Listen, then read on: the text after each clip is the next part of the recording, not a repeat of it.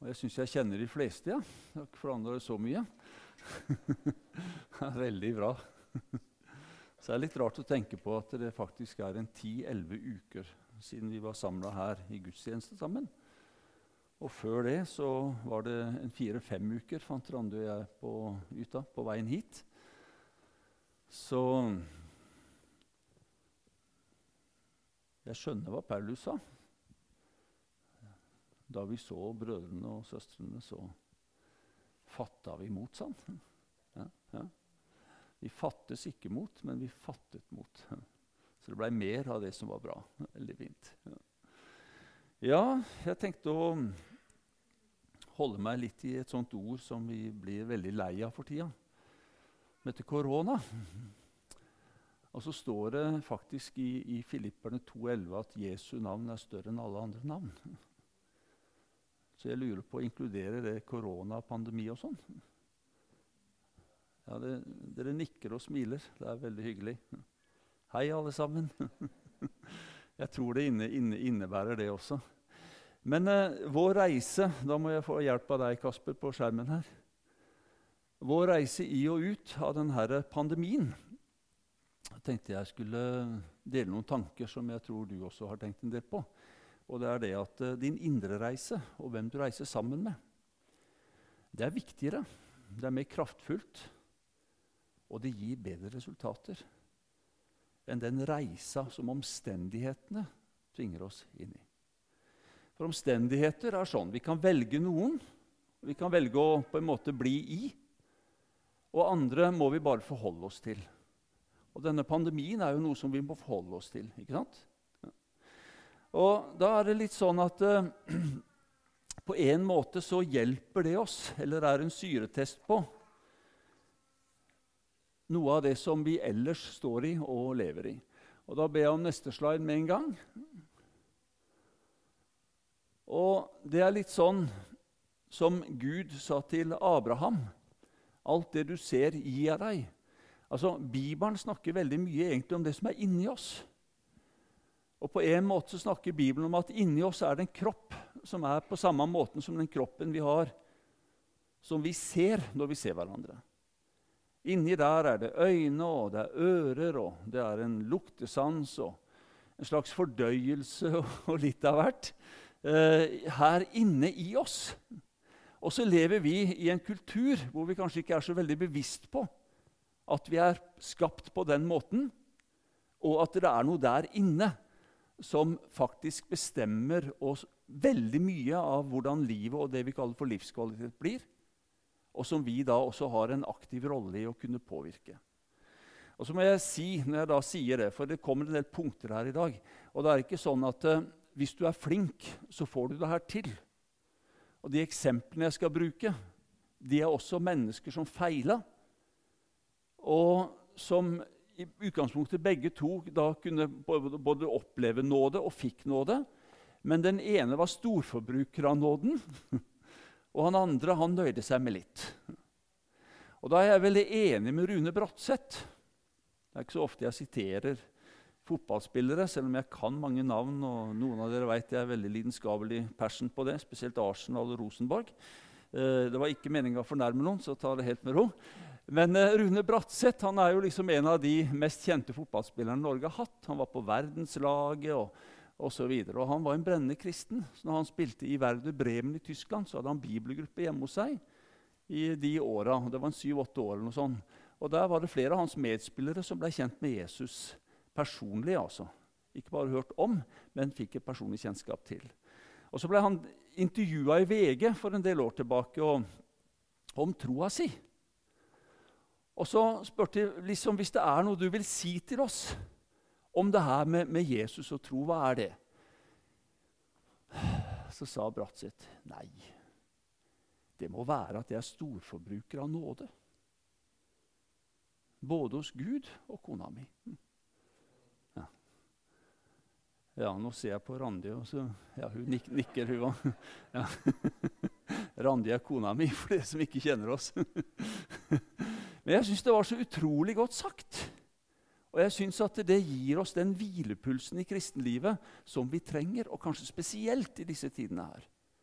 For hvis vårt liv med Jesus handler om å føle riktig, gjøre de riktige tingene, være på en bestemt måte og ha en sånn usynlig liste, ja, da blir det vanskelig for oss.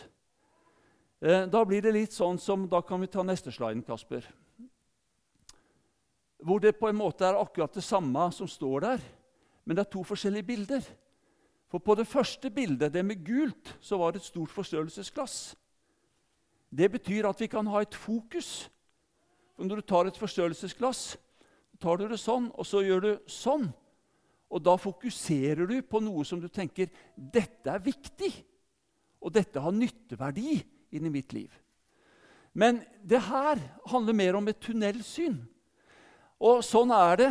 Vi kommer til å bli, og mange av oss har kjent på det under den tida her, at vi blir kasta inn i noe som vi ikke har valgt, og som på en måte preger livet vårt og snevrer det inn. Så vi har masse ting inni oss som da blir på en måte en slags reise. Og så hører vi om lyst og godt og fredfullt liv. Og, og, og når man er sammen med gladkristne, som vi ofte blir kalt, så hører man om fred og glede med Jesus og litt halleluja og sånn. Eh, og så føler vi veldig ofte at det toget går forbi oss. Og så blir vi stående inne i den tunnelen. Og selv om det er en veldig bra togtunnel nede i Holmestrand, så er den kald, og det er veldig kjedelig å skulle bo der. Er du ikke enig? Og det er ikke som Knutsen og Ludvigsen sang, at det var en grevling i taket. Nei, ikke i det hele tatt. Så her inne, i tunnelsyn, så kan det jo være som tunnelen. Den har et godt omdømme, og det er fint å stikke innom, og det er en del av livet vårt. Men det er veldig kjedelig hvis det skal bestemme hvordan det er der inne. Ja?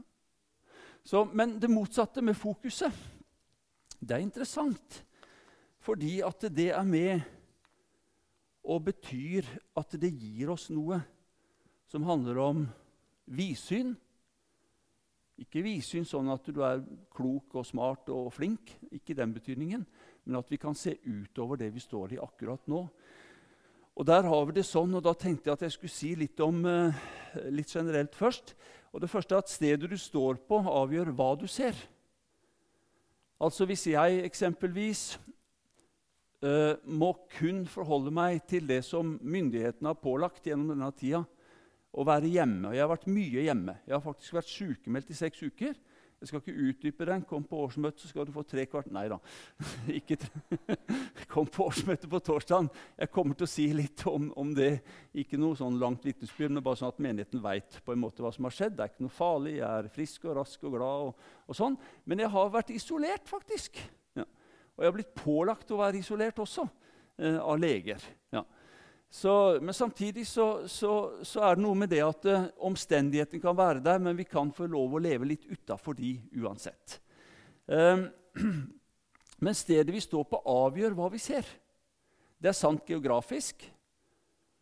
Hvis jeg skal til hoff og står her, så kommer jeg ikke til hoff hvis jeg blir her. Ikke sant? Og det er også sånn at eh, Hvis jeg på en måte fokusere på noe som tar meg et sted, da kan jeg oppleve å utvide det som er inni meg.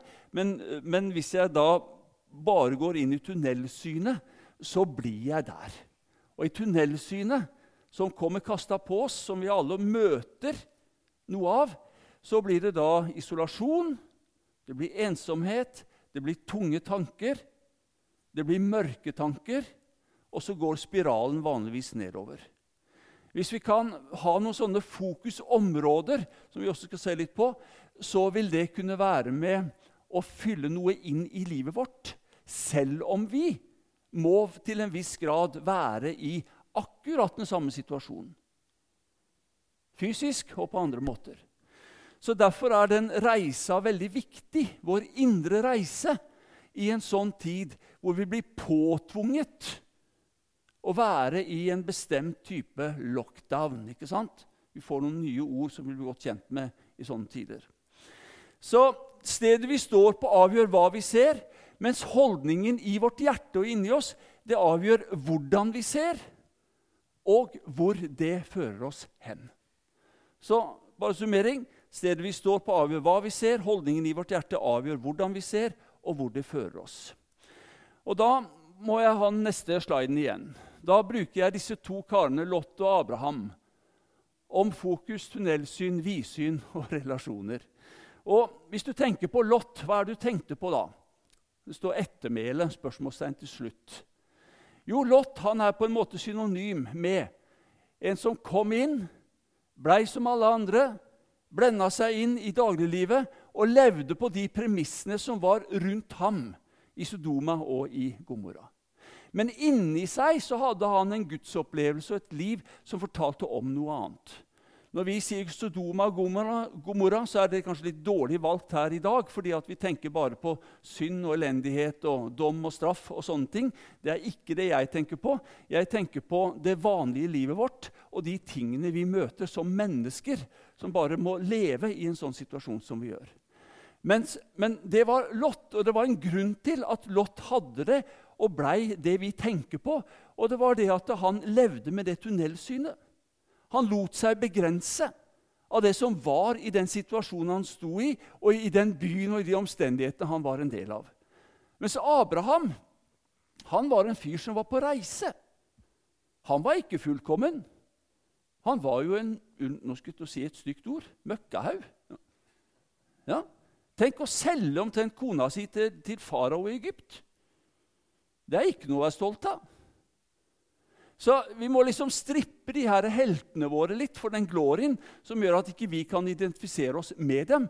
For Abraham han var på ingen måte fullkommen og perfekt, men allikevel så var han litt sånn Rune Bratseth-kristen. Han var en storforbruker av Guds nåde. Han stoppa ikke i tunnelen, men han gikk videre og satte fokus på områder som da hadde med Gud å gjøre. Så Lot han så det han så. Hvis du husker beretningen om hvordan eh, velsignelsen kom over både Lot og Abraham og alt det de hadde av sauer og dyr og sånn, Det ble så mye at det, det ble bråk og krangel mellom gjeterne til Abraham og til Lot. Det er ikke nok mat til alle, så hvem har førsterett nå? Og så var det slik at Lot var med Abraham, så det var Abraham som egentlig hadde førsteretten. Og det var veldig åpenlyst, for det var svære, flotte beitemarker rundt Sodoma og Gomorra.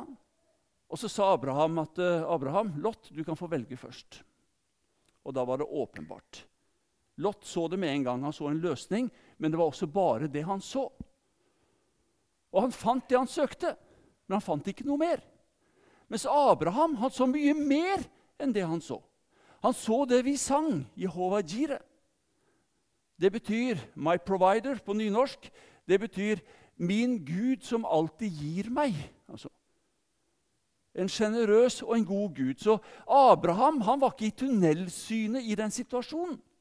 Men han hadde et fokusområde inn i livet sitt og over livet sitt som da strakk seg utover omstendighetene han var i. Og så så han oppover mot Gud. Så han så mer enn det han så. Og så søkte han ikke bare en løsning, men han søkte fellesskap. Det kan du forstå ut av situasjonen som beskrives senere. Fordi Abraham og hans familie de gikk det var ikke bare Abraham, men Abraham og hans familie, de gikk sammen i noen verdier og et livsmønster som på en måte kom av det som var dagliglivet i familien. Det samme gjorde Lot. Men der var det tunnelsynet som råda, og omstendighetene som fikk lov å prege både Lot og gjengen hans. Så Abraham han søkte fellesskap, og han opplevde det. og Han fikk det. Og han fikk mer enn han så, og han fikk mer, eh, mer enn det fordi han henta ressurser til å kunne gi vekk noe av betydning. Det var, det var ikke lett for Abraham, for han leda mange mennesker. Og de sa Abraham, nå må ikke du være dum. Du må ikke være dumsnill. Selv om det er nevøen din, Lot, så må du jammen meg tenke litt praktisk her nå. For dyra våre må ha mat, og det er viktig for oss. Så sier Abraham, 'Ja, men jeg har en ressurs utover meg sjøl.' Og riktignok så taler Gud til Abraham og sier at 'Abraham, bli med meg'. Og så tar Gud Abraham opp med på et punkt hvor Abraham får se det Gud allerede har sett. Og så sier han, 'Hva ser du, Abraham?' Når han da kommer opp på et høydedrag. Og så forteller Abraham hva han ser, og så sier Gud til Abraham, 'Alt det du ser, det gir jeg deg.' Så det var en hemmelighet i Abraham sitt liv. Han hadde noen fokusområder, ikke på han, ikke på det Gud allerede hadde sett, men han hadde et fokusområde på Gud. Og så viste Gud han noe ut ifra det som Gud så. Så Abraham fikk noe som var annerledes enn det som var det åpenbare og det logiske. Men det han fikk, var langsiktig, og det var mer. Og det viste seg å være bedre. Og så søkte han ut fra en relasjon. Han søkte ikke bare en løsning. Ut fra relasjon så kom også Gud og velsigna han. Hvis jeg sier et annet ord Melkisedek. Han der mystikeren i Det gamle testamentet som ingen visste hvor kom fra. Ingen slektstavler, ingen verdens ting, og som hebreerbrevet forteller om som et forbilde på Jesus Kristus og hans ypperste prestelige tjeneste. Det kom som et resultat av dette som bevegde seg inne i Abraham. Da tar vi neste slide. Ja Jeg veit ikke åssen du har det. Men jeg har kjent det sånn. Kanskje du har kjent det sånn? At du er ei sånn katte. Og så, når du er med gode venner som også lever med Gud, og du får dekka en del behov i livet ditt, eller du sitter aleine med Bibelen din og, og, og, møter Jesus, eller du blir inspirert på en sånn online gudstjeneste som Sjur var inne på, så kan du se løva i speilet. 'Ja, jeg vet hvem jeg er i Kristus.' Veldig ærlig. Men det motsatte bildet kan også være sant. For du er jo ei løve. Men du kan, når du ser deg i speilet, se ei lita, forskremt katte eller en kattunge. Og da er igjen innsida valgene, ordene til oss selv. Den indre samtalen, som psykologene kaller det. Som Bibelen også taler mye om. Husker du nøkkelsetningen i Lukas 15 om hans sønn som gikk fra hjemmet, men kom hjem igjen? Nøkkelsetningen der. Da kom han til seg selv, og så sa han til seg selv hva sier du til deg selv? Taler du ut fra fokusområder, eller taler du ut fra omstendigheter? Hvis du taler ut fra omstendigheter, ja vel, så tror jeg jeg kan garantere deg du blir brutt ned. Du ser det svartere, tyngre, mørkere, det blir vanskeligere. Mens hvis du tar og bytter ut tunnelen med forstørrelsesglasset, da kan du fokusere så kan du gjøre som Abraham. Du har en hemmelighet i livet ditt som ikke er synlig nå, og ikke føles nødvendigvis nå. Men den gir deg en stor fordel i livet med Gud, Jehova Jire. Og når du da velger ut fra hans prioriteringer, så kan du se mer, bedre, mer langsiktige ting. For framtida er ikke noe som kommer. Framtida er noe som skjer nå. Nå er jeg i framtida.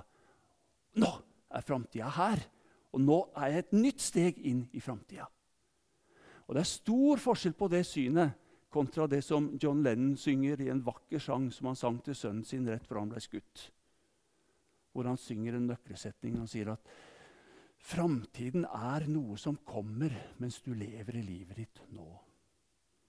Og Det er sant, og jeg syns det er vakkert formulert. Samtidig så er det noe litt fatalistisk i det.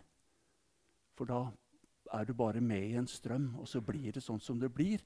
Og så skjer det det som skjer. Mens Bibelen sier vi kan da ha disse fokusområdene.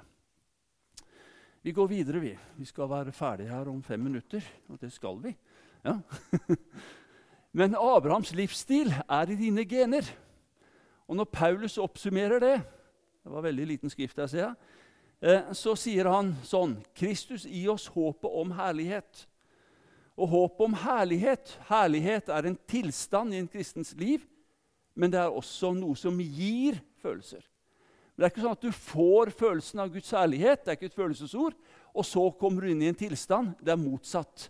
Du er utsatt i gåseøynene for Guds herlighet. For Guds herlighet betyr tyngden hans nærvær.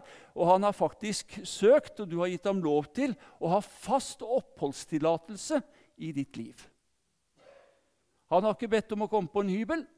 Det er ikke en ferieleilighet. Nei, du er en fast adresse for Jesus Kristus. Der bor han, og jeg tror han trives også. Og han ønsker bare å få lov å bety mer, få utfolde seg mer og gå inn i et enda dypere samarbeid med oss. Og Da blir det litt sånn som den der fine illustrasjonen som i hvert fall jeg syns er fin. For det er jo noe umulig som skjer. Det er asfalt og betong, og så kommer det Her er det en liten vekst. Og ofte snakker vi om løvetann. ikke sant? Og vi snakker iblant om løvetannbarn. Barn som ikke hadde muligheter ut fra omstendigheter til å komme videre i livet. Men de trosser omstendighetene og går videre. Og slik er dette livet med Kristus i deg og i meg. Japp, vi kan som Lot og Abraham gjøre valg. Og Lot valgte ut fra behov rundt og i seg.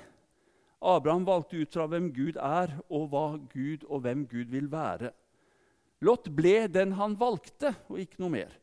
Abraham ble den Gud hadde valgt ham til å bli. Mer og mer og mer og mer. Og Så gjentar jeg det jeg sa innledningsvis. Dette er ikke en 'bli flink og få det til'-preken. Dette er en preken om Guds nåde og hvordan vi kan være storforbrukere av Guds nåde, slik at nåden i Kristus forandrer oss fordi det er en frukt som vokser i oss, og ikke en selvdisiplin. Forskjell på disiplin og frukt. Men det er en frukt, og frukten den tar tak i oss og former oss og driver oss fremover. Lot gjorde feil og ble på samme sted. Abraham gjorde feil, men han gikk til Gud, og han gikk videre. Lot delte ikke Guds tanker til eller med andre, men Abraham delte Guds tanker hjemme og med andre. Og Da er vi inne på noe viktig, som er forskjellen på den tida som også Abraham og Lot levde.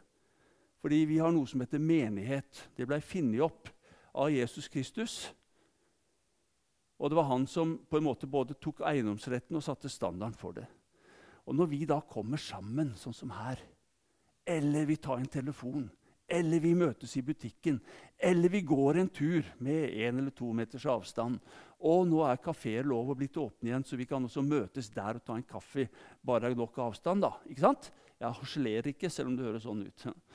Men det betyr da kan du og jeg sette fokus, slik som Abraham hadde det.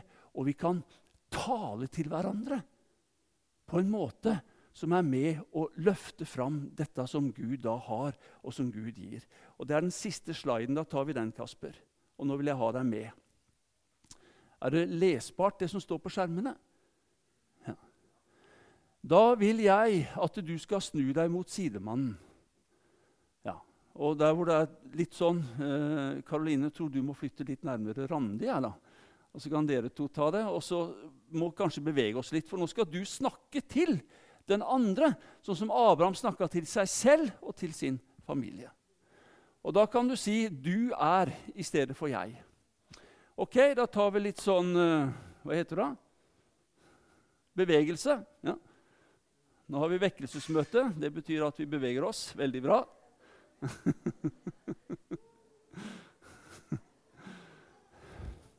Og nå må, du, nå må du tale til den du ser. Og det vi taler nå, er også da en hjelp for oss til å se etter det og tale til hverandre om det seinere, ikke bare på et møte. Kom igjen. Én, to, tre. Du er velsignet med all åndelig velsignelse i Kristus. Du, det her holder ikke, altså. Vi må se på hverandre. Eh, det er helt greit med barn, eh, Caroline. No problem. Eh, vi må se på hverandre, og du må se ut som du mener det du sier. Og det er lov å se hverandre i øya. Kom igjen. Ja. En, to, tre. Du er velsignet med all åndelig velsignelse i Kristus. Nummer to. Du er utvalgt til å være hellig og skyldfri i hans øyne. Du har fått barnekår slik han vil og gleder seg over. Du er forløst ved hans blod og har tilgivelse for dine synder. Du er overbevist med hans visdom og forståelse. Du er utvalgt til å være til pris for hans herlighet.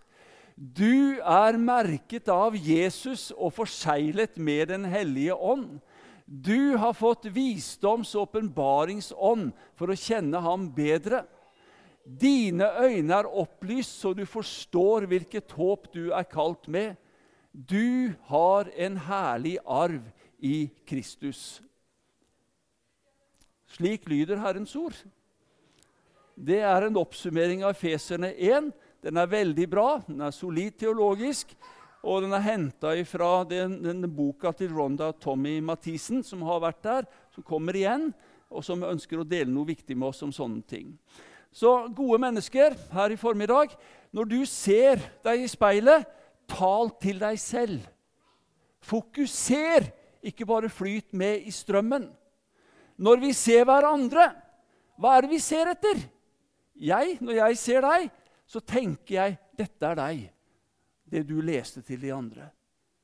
Og så trenger jeg din hjelp til å være der. Det er ikke alltid jeg er der, fordi livet kan være heavy, det kan være mye ansvar, det kan være mange tunge ting. Slik er du, og slik er jeg. Og Derfor har vi menighet, så vi kan være med å hjelpe hverandre og sette mot i hverandre på disse tingene her i denne tiden. Amen.